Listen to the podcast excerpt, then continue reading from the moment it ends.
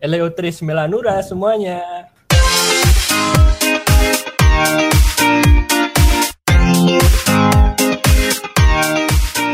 Hai semuanya, balik lagi di podcast Bahasa Ikan. Eh, setelah satu pekan kemarin ngobrol-ngobrol bareng dengan gue tentunya dan dengan Rico dan dengan Kintani. Kemarin kita ngobrolin banyak hal tentang ikan-ikan eh, yang bisa kita bilang aneh gitu kan. Kali ini kita berempat, nggak seperti sebelumnya cuma bertiga. Pertama ada Rico. Hai Rico, Halo semuanya. lu sehat? Wah, seperti biasa hancur. Aduh. Ada kawan gue yang lainnya, ada Kintan nih. Hai Kintan. Halo, halo. Gimana kabarnya? Sehat di sana? Sehat. Alhamdulillah. Alhamdulillah. Dan terakhir nih, Kurnia Indra. Hai In. Halo Wan semuanya. Gimana Hai. In? Sehat-sehat ya? Ya Wan. Jalan Iya. Sehat apa nih? Biasalah. Fisik. Biasalah. Eh, terakhir kita ngebahas tentang ikan-ikan yang aneh. Kan kemarin nggak ada Indra nih. Kalau menurut lu In, ikan aneh yang menurut lu aneh apa In? ikan aneh. Kemarin ngebahas aneh dari segi apa Wan? Fisik ya dari Wan. segi ya dari segi fisik atau apa kemampuan yang aneh pokoknya aneh aja lah di mata kita Kalau aneh dari gua ikan hias paling ya Wan kayak lohan tuh apa maksudnya gini loh ikan campuran dicampur-campur jadi kayak begitu bentuknya. Ternyata dan ternyata ada harganya kan aneh juga tuh. Padahal itu Aneh ikan kejedot aja ya jadi oke oke. Nah ngomongin ikan aneh lagi nih. Kemarin kita ngebahas ikan aneh yang secara garis besar kebanyakan kita bahas fisiknya gitu kan. Tapi ternyata tuh ikan punya keanehan-keanehan lainnya ya. Iya nggak sih? Iya nggak kok Yoi, jadi kemarin kita kan juga nyinggung tentang apa namanya? Salah satu kemampuan evolusioner dan yang lain-lain gitu ya. Ternyata ya kalau kita lihat film-film superhero, supervillain yang ada gitu, Marvel, DC dan yang lain-lain, ternyata banyak juga ikan-ikan yang punya kemampuan super juga dan ternyata itu mungkin ya diimajinasikan dan dijadikan salah satu kemampuan dari karakter-karakter superhero itu tadi gitu. Bah bener banget bener. Nah kalau Indra salah satu superhero yang pernah lu tonton nggak film-film atau komik-komik superhero gitu? Kalau gua sih sebenarnya sih jarang sih, cuman kalau tahu ya tahu sih ada beberapa superhero, ada dari karakter Spider-Man, Superman yang kita banyak tahu lah, terus X-Men juga kan banyak seriesnya. Ada kayak yang gua tahu mungkin si ini ya Storm ya ya, karena dia karena gua suka main Mobile Legend, dia kayak Eudora tuh kan, bisa ngeluarin Oh listrik. iya iya iya iya iya. Kalau Kintan gimana? Kintan tahu Superman eh Superman tuh superhero atau super Tahu, sama kayak Indra beberapa tahun. Eh, Nggak terlalu hobi nonton. Terus eh kalau yang ada yang mirip-mirip ikan tuh keingetan ini sih apa yang apa Mike Tyson apa tinju itu dia bukan karakter superhero sih tapi kayak dia kan sangat-sangat terkenal dan legendaris. Gue ngomong apa kalau sih lu anjir? sendiri kok? It's okay it's okay. Kalau lu sendiri kok? Kan kayaknya lu tuh suka banget sama tokoh-tokoh superhero. Apa superhero yang lu tahu kok? Gua banyak baca sama banyak nonton karakter superhero nih, Wan. Jadi favorit apa coba yang paling favorit Bernacle Boy.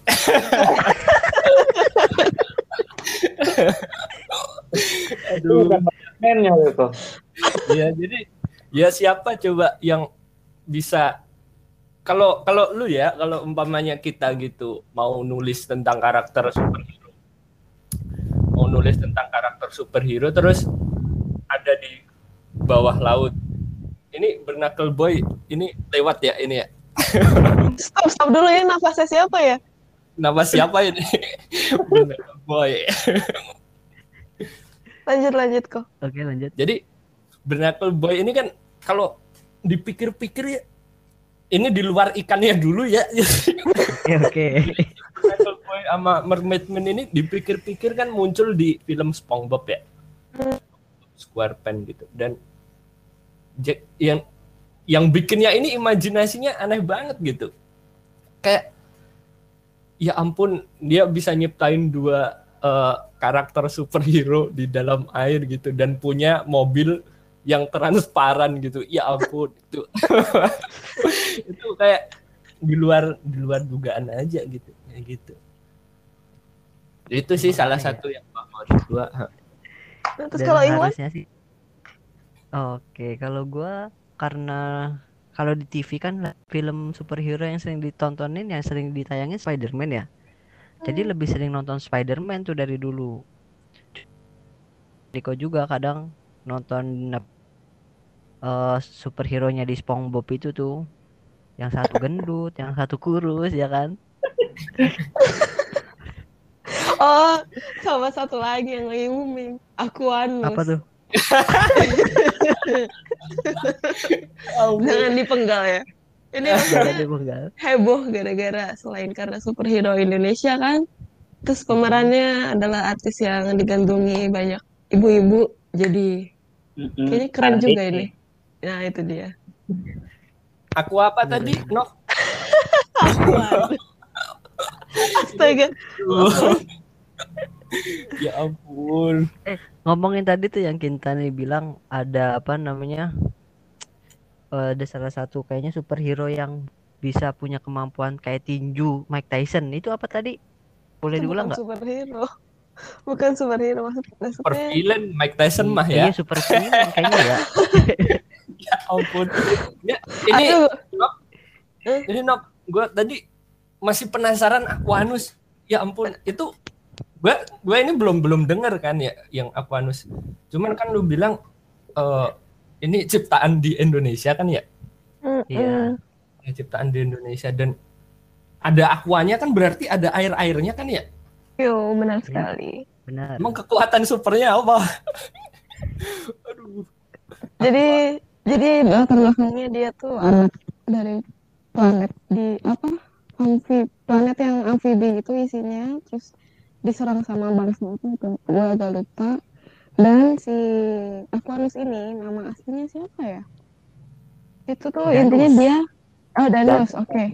Danus Danus. diungsikan dan kapalnya jatuh ke laut Indonesia. Terus dia dibesarkan oleh keluarga pemburu paus gitu. Dan kemampuannya dia bisa berenang lebih cepat dari semua makhluk laut yang ada dan punya ikat pinggang yang dapat memancarkan sinar pelangi yang dahsyat. Buset. Oh, dia juga punya kapal selam. Gak ngerti gue. Astaga, tunggu filmnya keluar kita tonton rame-rame. Ah, bener banget. Ya penasaran sih. Ikat pinggang ngeluarin pelangi buat apa gitu musiknya? Ya, Aquanus ini apa namanya rumahnya di Tanjung Priok atau di mana? Anjir, gak tahu gue. Aduh kena polusi dia. Nah, dia juga punya kendaraan kayak Batman, dia punya kapal selam berteknologi canggih. Mungkin dia semacam sultan. Tapi dia tuh bukan ini ya. Bukan ikan sebenarnya si Aquanus ini. Amfibi kayaknya deh. Amfibi ya. Amfibi kan. Iya benar. Kita ngomongin Ya, ya. superhero nih. Kan superhero tuh punya kekuatan supernya masing-masing ya. Kadang tuh gue ngelihat ada beberapa superhero yang ini kok kekuatan mereka miliki mirip-mirip dengan hewan-hewan yang ada di bumi gitu yang ada di yang biasa kita lihat. Bener nggak sih? Lu lu eh, ngeliat hal yang sama nggak? Sama Wan. Ini gua kan masih terdis masih terdistraksi sama Aquanus tadi kan ya. Iya. Itu yang bikin nama lucu banget ya ampun. Aduh. Nah ini kalau kalau gua browsing sekarang nih ya. Nah ini kan bentukannya kan sama kayak Aquaman kan ya. Mirip Iya, banget. mirip. Mirip banget gitu. Nah yang paling gua inget kalau di Aquaman gitu yang diperanin nama Jason Momoa kan ya. Nah ini kesukaan Novia nih pasti. Jadi apa namanya si Aquaman ini punya salah satu kekuatan super yang yang kalau teman-teman lihat di filmnya di Aquaman, di Justice League dan yang lain-lain kan mereka bisa mereka dia dia bisa uh, berbicara sama ikan gitu dan salah satu uh, salah satu kekuatan super lainnya kan dia bisa bisa pakai sonar juga kan ya untuk um, apa namanya mendeteksi gitu uh, Ya, keberadaan makhluk-makhluk di sekitarnya. Hmm. dan itu kan adaptasi bukan di ikan sih adaptasi kemampuan salah satunya itu kayak lumba-lumba kan ya. Jadi lumba-lumba Hmm, iya. kolokasi dan memantulkan suara klik dan dia dengar lagi dan dia bisa meraba. Kok meraba? Aduh meraba Aquanus. Dan dia bisa dan dia bisa apa namanya eh, melokasi atau mencari mendeteksi. eh, oh iya itu mendeteksi eh, sabuk ikan ikangnya si Aquanus tadi. Jadi kayak bisa nyari benda-benda yang aneh-aneh di sekitarnya kayak gitu. Dan itu kan yang jadi lucu gitu karena eh, salah satu pembuatan kekuatan super di superheroes dan yang lain-lain itu kan butuh imajinasi yang luas kan ya? Kayak ya kayak benar. ya nggak nggak bisa sembarangan dan ternyata ada di salah satu biota yang hidup sampai saat ini gitu di lumba-lumba gitu. Nah kalau kalau lu kan eh, superheroes yang yang melekat di hati lu apa Wan? Kan tadi udah ngobrolin panjang lebar ya tentang kita bertiga. Kalau lu yang paling kesan apa Wan? Sebenarnya itu sih gua tuh nah dulu kebanyakan nonton Spider-Man ya. Jadi yang yang referensi paling banyak di otak gue ya cuma Spider-Man itu tadinya. Cuma ya gue tahu juga eh, beberapa superhero lain kayak misalnya Hulk gitu kan. Gue tahu Hulk dari mana ya pertama nonton Hulk? Gede. Pokoknya ya kayak Hulk lah. Gue ngeliat Hulk ini mirip-mirip juga ternyata kok. Eh bukan mirip sih. Hulk itu kan punya kemampuan yang mem- membesarkan badannya ketika dia merasa terancam gitu ya. Kayaknya kalau sekilas gua ngelihat konsep membesarkan badan ini dimiliki juga sama pufferfish gitu. Ketika dia terancam, badan dia jadi gede juga tuh. Salah satu cara defense dia kan untuk untuk menakuti predatornya.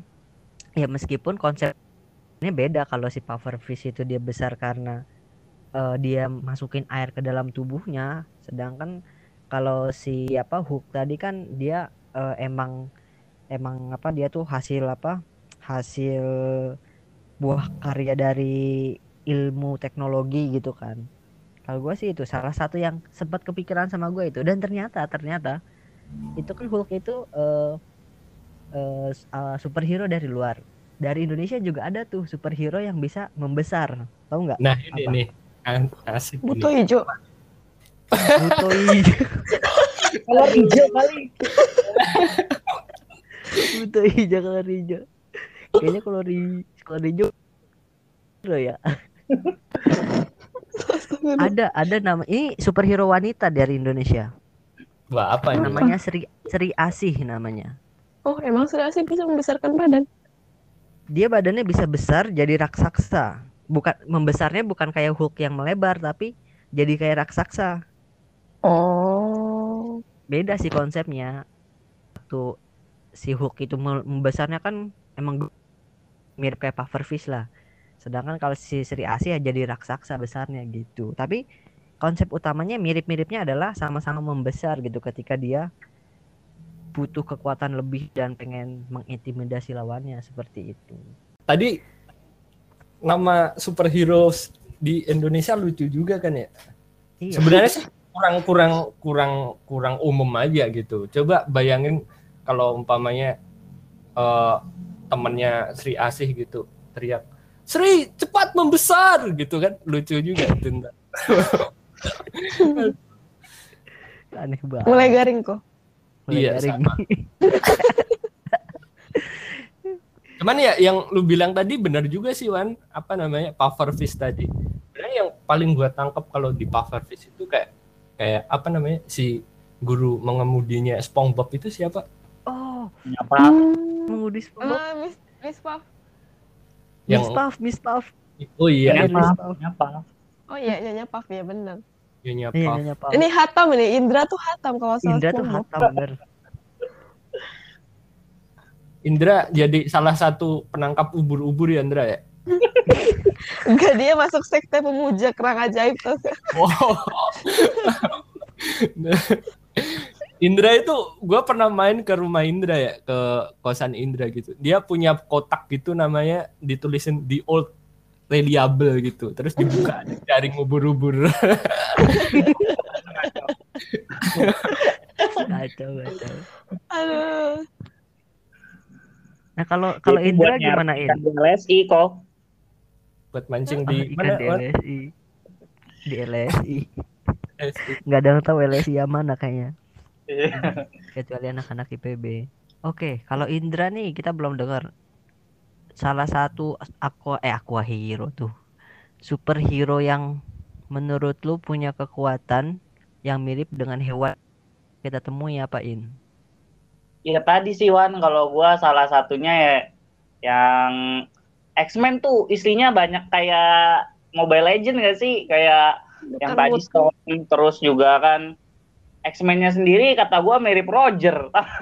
jadi, jadi ya itu Oh salah. iya benar juga. Ya enggak, lu kan main juga tuh Wan. Mm-mm-mm. Bisa ngeluarin listrik, jadi ngeluarin listrik ya jadi kayak belut listrik. Kayak gitu tuh. Seru juga sih bisa ngeluarin listrik. Jadi nggak perlu colokan ya. Nah, kepikiran juga gue mau tanya sama Riko kali ya yang mungkin lebih paham ya. Gue pernah lihat itu ada di TV apa di mana gitu. Jadi percobaannya ada konduktor ditempelin ke belut listrik, lampunya nyala. Nah itu ada kemungkinan gak sih? Gue mikirnya jauh banget sih, aneh banget sih. Kemungkinan jadi pembangkit, salah satu pembangkit tenaga listrik. PLTI ya. Bangkit listrik tenaga PLTB. Gimana tuh kok? Menurut Pembangkit listrik tenaga belut. eh tenaga belut, bener tenaga belut. Iya itu sebenarnya sih yang kalau mungkin ya mungkin eh, teman-teman yang di sini lu pada nggak nggak merasa kalau si ikan itu lebih spesial dari yang kita kira gitu. Nah si ikan belut listrik ini Electroporus ini eh, pada tahun 2019 ke bawah itu dikiranya cuma ada satu spesies gitu. Nah, terus sampai dua- 2019 ke sini itu ternyata ada banyak spesies. Dan rahasianya si belut listrik ini ternyata makin makin makin gila gitu, Dra. Jadi ternyata dia bukan cuman bisa menghasilkan listrik yang seperti kita bayangkan tadi, dia emang nyetrum gitu. Jadi kalau kalau lu mancing belut ini gitu ya kesetrum ya mati gitu. Aduh. Ah Ya. iya iya iya, gua gua pernah lihat juga sih sering nonton di YouTube gitu. Kalau ada peneliti yang megang-megang belut itu dia harus pakai sarung tangan khusus gitu. Iya, jadi ada kasus juga si belut ini jadi super villain gitu. Jadi ada kuda gitu kan ya. Kuda ada terus orang yang naik kuda gitu ngelewatin apa namanya perairan yang dangkal gitu kan. Perairan yang dangkal yang ada di Amazon. Terus tahu-tahu kudanya panik terus mati gitu. Nah, orangnya yang ada di atas kuda itu tadi jatuh ke air dan dia juga mati juga gitu. Ya ampun. Nah, orang-orang yang di sana tuh bingung pertamanya di lah ini nggak ada buaya, nggak ada anaconda, nggak ada apa-apa kok mati gitu. Terus ada kuda juga kan ya yang mati, gede banget kan kuda gitu. Hmm. Nah, terus eh, ada beberapa peneliti ke sana ternyata pas eh, pas si kuda itu sama orang yang lewat itu masuk ke perairan itu ternyata di dalamnya itu ada sekumpulan belut listrik Wow. yang mungkin sedang memijah gitu. Nah, itu jadi kayak trafo ada di dalam air itu terus Iya, orangnya dan Nah, itu kok bisa sampai kuda aja gitu manusia gitu langsung mati gitu berarti tegangannya tinggi juga dong kok yang dihasilkan sama ikan itu. tinggi banget dan bukan cuman gede ya, Indra ya. Jadi Hmm. ternyata si belut ini tuh punya tiga organ yang terbagi gitu. Jadi ada beberapa beberapa organ yang ada di tubuhnya itu berfungsi sebagai apa ya kayak kayak dia punya indera indera jadi kayak indera keenam. Jadi dia punya indera keenam uh, bisa merasakan sesuatu lewat listrik gitu. Nah oh, ada salah satu uh, ada salah satu bagian tubuhnya itu yang bisa melihat kondisi sekitar itu dengan menggunakan listrik. Jadi listrik yang dikeluarkan di salah satu organnya itu yang pertama nggak terlalu tinggi. Jadi cuman lemah gitu. Jadi dia bisa meraba-raba sekitarnya gitu menggunakan medan listrik. Terus yang kedua, dia bisa membunuh mangsanya lewat salah satu organ listrik yang bisa menghasilkan voltase atau tegangan yang eh, sangat-sangat uh, tinggi gitu. Nah, terus ada lagi yang ketiga nih. Jadi bukan cuman merasakan keadaan sekitar dengan listrik, bukan cuman nyetrum buat matiin mangsanya, tapi dia juga bisa mengatur mangsanya agar bisa bergerak-gerak.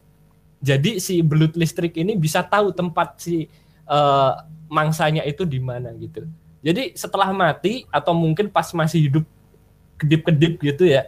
Jadi dia menggunakan arus listrik ini untuk mengontrol si ikan mangsanya itu.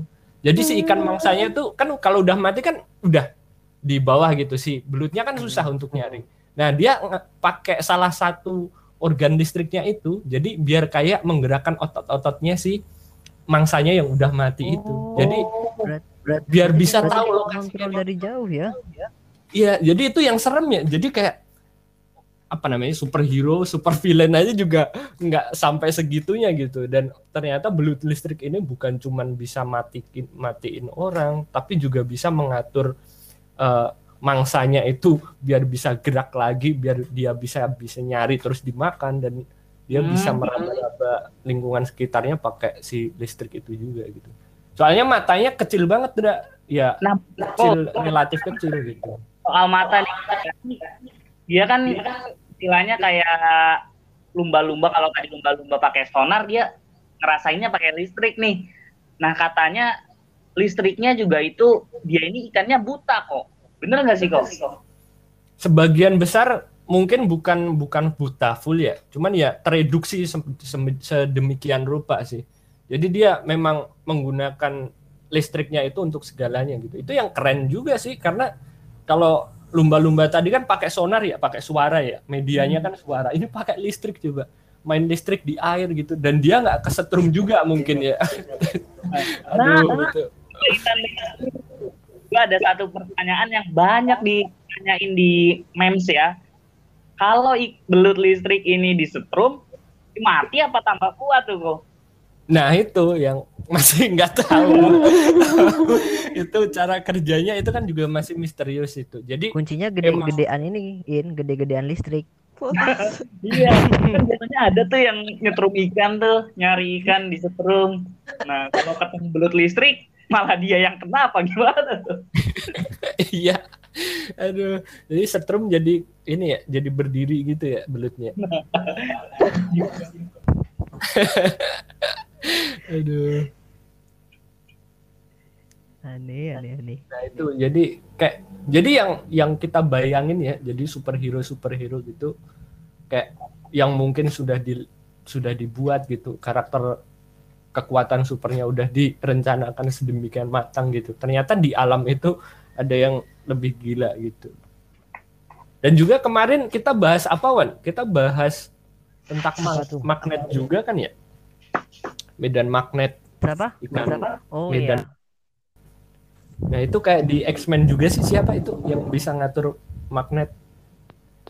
Ini. Lupa. Magnet, magnet. Oh, oh uh, yang pakai apa namanya? Oh iya yang pakai helm SNI terus itu ya? Ya itu itu Magneto.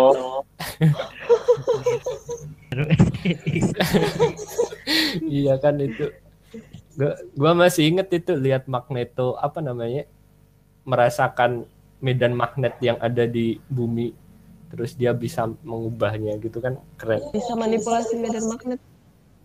Iya itu dan kayak merasakan magnet itu sebenarnya kan keistimewaan. Eh, iya, iya.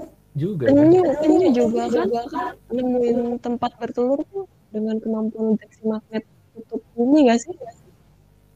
Oh iya, penyu kan bertelurnya di mana, terus dia Dia lahir di gedenya di mana, baliknya di situ lagi ya. Heeh. Jadi itu kayak kalau penyu ya berarti kayak hiu sama salmon juga kan ya? Kurang lebih harusnya. Iya Jadi kan kalau hiu kemarin kan hiu martil dan hiu yang lain-lain itu percobaannya lucu. Jadi mungkin Indra belum dengar nih. Jadi kayak kayak di kolam dikasihkan hiu. Nah, terus di di dasarnya itu ada medan magnetnya gitu. Jadi kalau medan magnetnya diubah, ikannya itu berenangnya berubah juga gitu. Jadi dia bisa merasakan eh, medan magnet yang ada di bumi juga gitu. Jadi kayak Indra ketujuh. Indra, Indra, Indra ketujuh, Indra. Indra ketujuh. Iya, kayak gitu. Jadi kan keren juga. Tahu apa namanya? Superhero bukan superhero sih nih ya. Eh dia n- apa tadi yang yang tokoh jahat super villain. Ah, apa? Super villain. villain. Super villain. Super villain. Super villain. mistik tau nggak mistik? Mistik yang ada di film X-Men juga. Dia punya kemampuan untuk eh apa? Kalau di kalau di kan tuh kayak menyerupai hewan lain gitu. Kan dia bisa berubah tuh jadi objek satu objek atau enggak jadi makhluk lain gitu kan. Kalau di makhluk darat mungkin bukan berubah kali ya, tapi lebih bukan ngerubah bentuk tapi lebih ke menyerupai lingkungan itu kayak mimikrinya si mimikrinya siapa tuh hewan yang belang-belang eh belang-belang ngubah warna Apa namanya itu? Cumi-cumi, sotong dan di sebagainya darat itu di ya. darat Gurita. Oh, di darat. Yang belang-belang zebra bukan ya? bukan bunglon Oh iya, bunglon. Bunglon belang belang. Aduh. iya maksudnya kalau di hewan darat kan dia Wan, kemampuan lu kena ini ya? Lu kena sinarnya Aquanus ya? iya kayak ini Jadi matanya berpelangi-pelangi. jadi Aduh. berpelangi ini jadi lupa lupa akan itu iya tuh kalau di hewan darat kan itu eh siapa tadi yang berubah warna lupa lagi namanya Bunglon, bunglon. Non kan Mistik. dia ngubah ngubah warna hanya untuk kamuflase gitu kan sedangkan kalau si mistik ini dia nggak cuma ngubah warna tapi ngubah bentuk nah ternyata ada juga biota perairan yang punya kemampuan mirip kayak dia tuh ada yang tahu nggak tuh apa Itu tadi apa namanya? Sotong dan yang lain-lain. Gurit. Gurita ya ya benar Jadi, ha, itu kayak kayak oktopus juga. Apa namanya itu? Bahasa Indonesianya asik. Gurita. Gurita. itu kayak itu salah satu biota yang mungkin di kepala gua apa ya Wan ya kayak bukan dari bumi gitu coba bayangin gurita kepala nggak punya kerangka yang bisa menopang tubuhnya terus punya 8 tentakel eh kok tentakel? 8 apa namanya? Lengan-lengan itu tentakelnya banyak. Terus makannya disedot pakai paruh. Ya ampun itu Gimana hewan. nih? Secara, secara bentuk, bentuk aneh, secara kemampuan juga aneh. Oh iya dia gimana? Itu sama kayak mistik juga kan ya Wan ya? dia iya dia sama kayak mistik bahkan ada satu jenis gurita eh, nama umumnya tuh mimik octopus atau Taumoctopus mimicus. Dia satu gurita yang dulu tuh ditemuin di pantai Sulawesi di awal tahun 1998 dia tuh punya kemampuan eh, nggak cuma ngerubah bentuknya dan warna dia jadi kayak hewan lain tapi dia punya kemampuan untuk menirukan gestur. Brilian banget nggak sih tuh kayak gitu? Iya jadi kompleks kompleks juga ya cara pikirnya si octopus ini ya. Jadi kan dia harus bisa tahu membedakan spesies yang lain juga kan ya? Hmm. bener banget Bisa membedakan cara-cara dia bergerak gitu. Coba ya ampun. Terus hewan yang kerennya kayak gini dimakanin hidup-hidup coba di Jepang. Oh Oh, iya. di Jepang dan di Korea. Di Korea juga makan. Oh iya, ya mungkin di negara Asia seperti itu. Les. Gak apa-apa. Dan ini ya, dan kalau nggak salah gue tuh pernah baca-baca juga.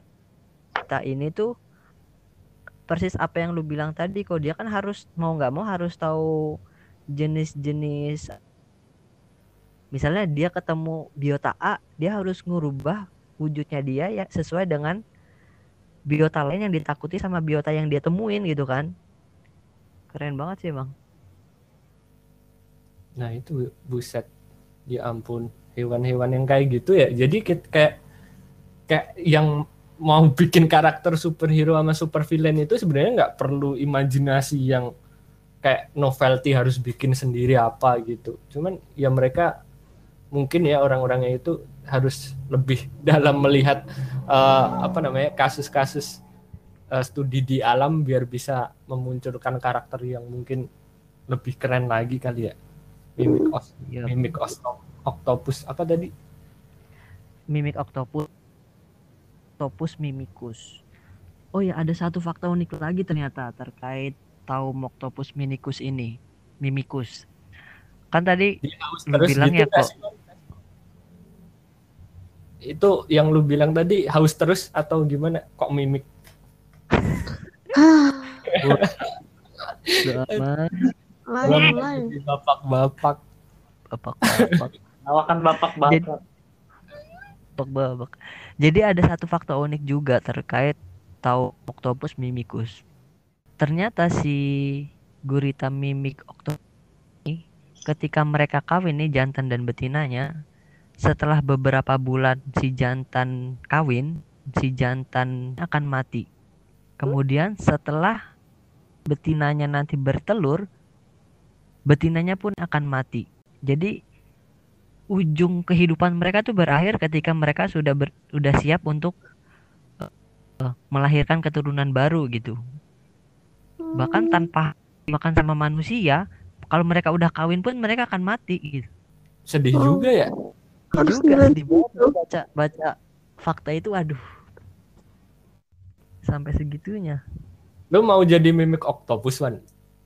Kayaknya Indra nih yang lebih berpeluang.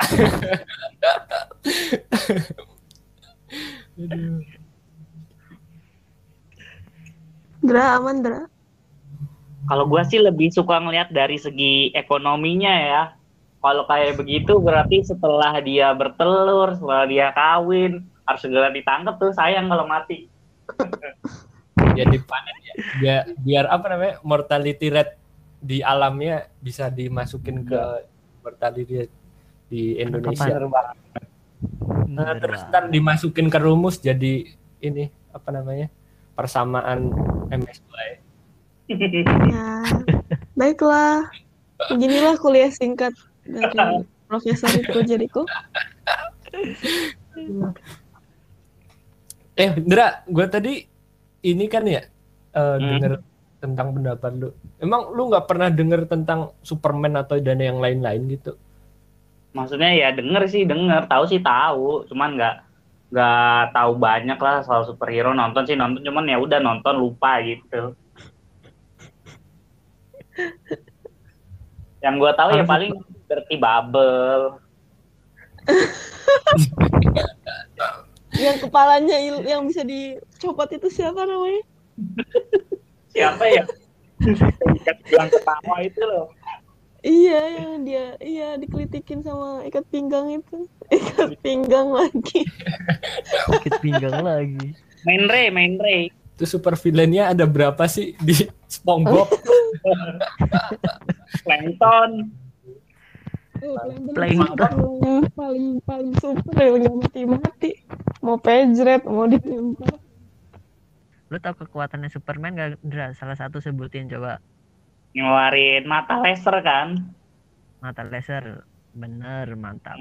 Terus juga sektornya di luar. Jadi dia dia ini Indra, apa namanya? Bakat jadi tukang las ya berarti ya.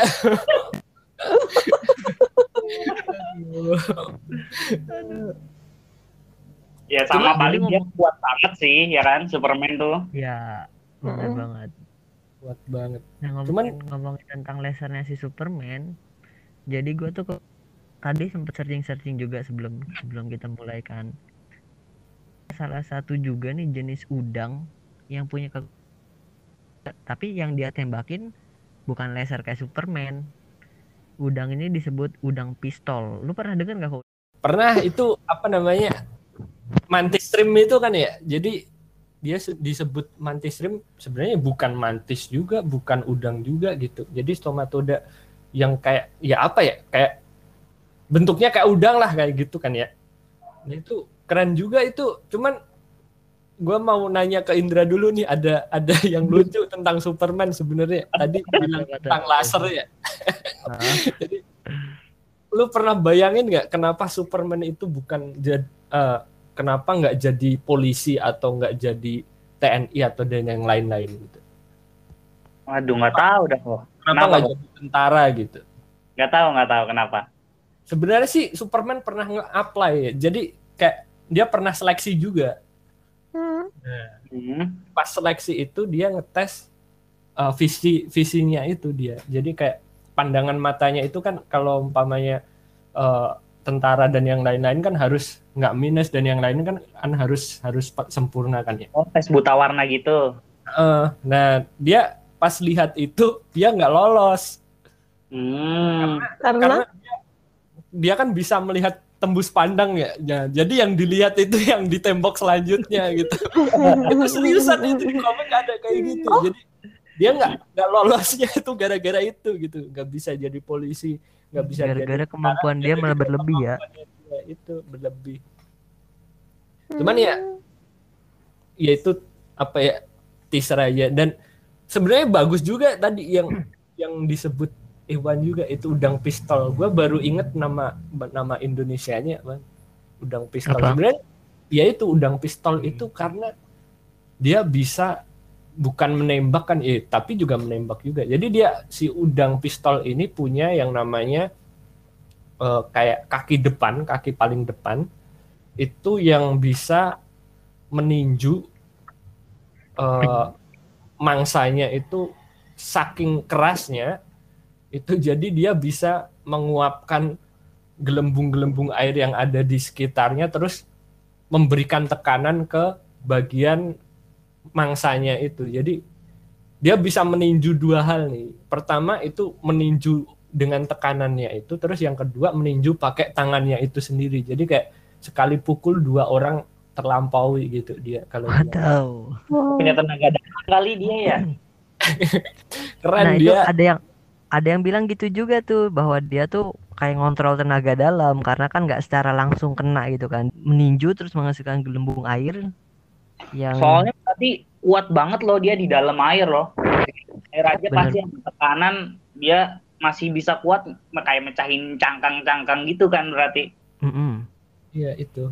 Dan ini eh, si udang pistol ini kan sebenarnya banyak ya jenisnya. Maksudnya jenis-jenis udang yang punya pistol-pistolan ini kan banyak jenis udang pistol yang sebutannya bukan bukan cuma udang pistol sih dia kayak udang neon pistol gitulah, tapi bukan di perairan Indonesia. Dia kemampuannya sama, punya kemampuan untuk nembakin dan menghasilkan gelembung air kayak tadi. Tapi di samping itu ternyata dia itu salah satu biota perairan yang mempraktikkan eusosialitas. Ada yang tahu nggak eusosialitas? Aduh nggak tahu dah gua Wan.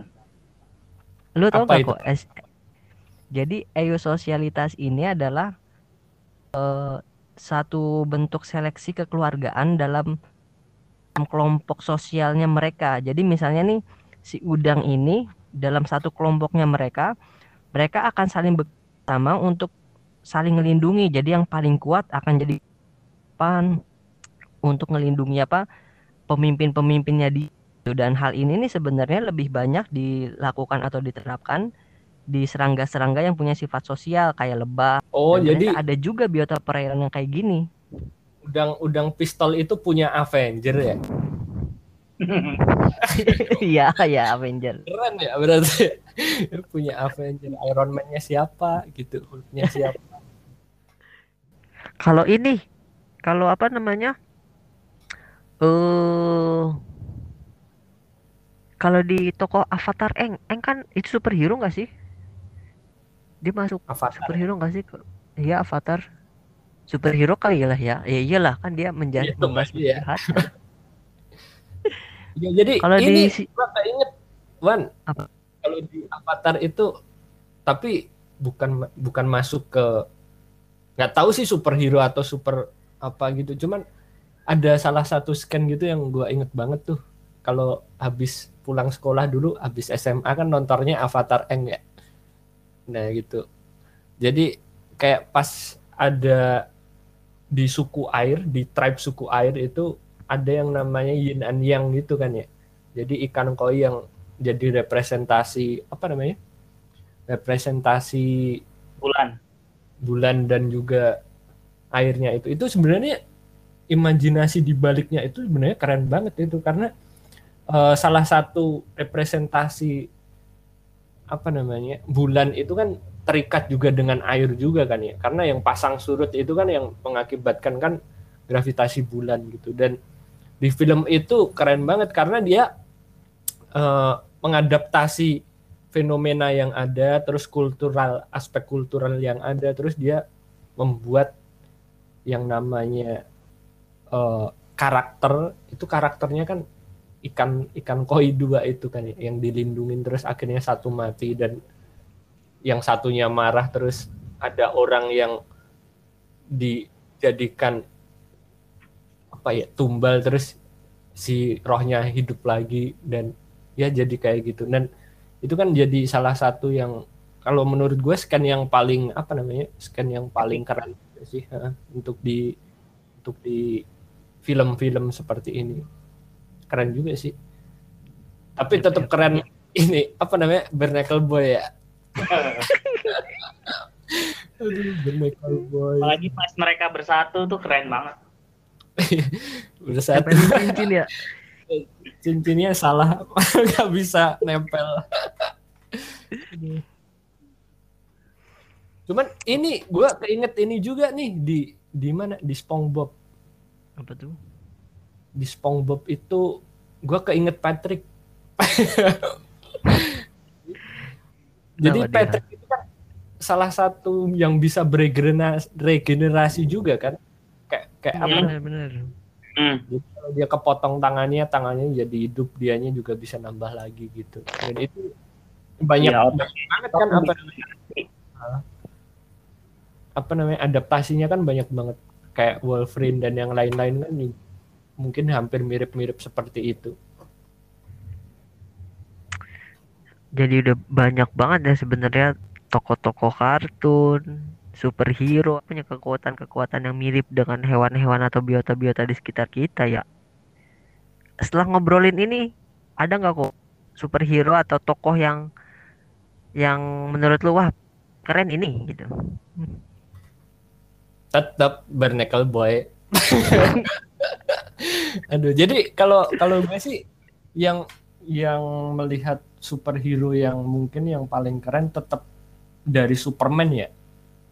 Jadi karena proses pembuatan Superman itu karakter Superman itu yang lucu banget gitu dan secara historis keren juga gitu karena alien masuk ke eh, apa namanya ke bumi beda atmosfer beda beda sesuatu dia punya adaptasi yang lebih meningkatkan kekuatan dirinya sendiri gitu dan dia menjadi yang tak tertandingi kan ya yang di yang ada di dunia gitu. Tapi ada kelemahannya juga gitu dan itu yang yang bikin bikin superhero itu ada up and down-nya gitu. Jadi nggak setiap superhero itu ya sempurna gitu karena banyak superhero itu juga down juga gitu. Kayak ikan sih kan Iya, ikan juga sama. Kemampuan dia yang udah keren tetap aja punya kekurangannya masing-masing gitu. Kalau Indra, apain superhero yang setelah kita diskusin ini yang jadi favorit lu? Kalau dari yang ada nyambung-nyambungnya sama ikan sih, gua kayaknya nggak masuk ke situ deh. Soalnya jagoan gua superhero dari dulu ya Spider-Man. Scene Spider-Man yang masih lu inget yang mana? Yang pas ciuman. Aduh. Mana lagi? ya enggak maksudnya Spider-Man tuh bener-bener apa ya? Kalau gua sih ngelihatnya dari segi nilai-nilai kehidupannya sih itu aja. Oke. Kalau Kinta nih apa nih? Setelah kita ngobrol panjang lebar, superhero yang akhirnya wah kayaknya ini yang paling keren deh. Yang bisa niruin makhluk lain tadi itu kayak si mimik octopus. Selain tampilan dia bisa nen apa? Niruin gestur makhluk lain juga. Jadi bisa jadi Woi. apa aja. Keren keren keren sih.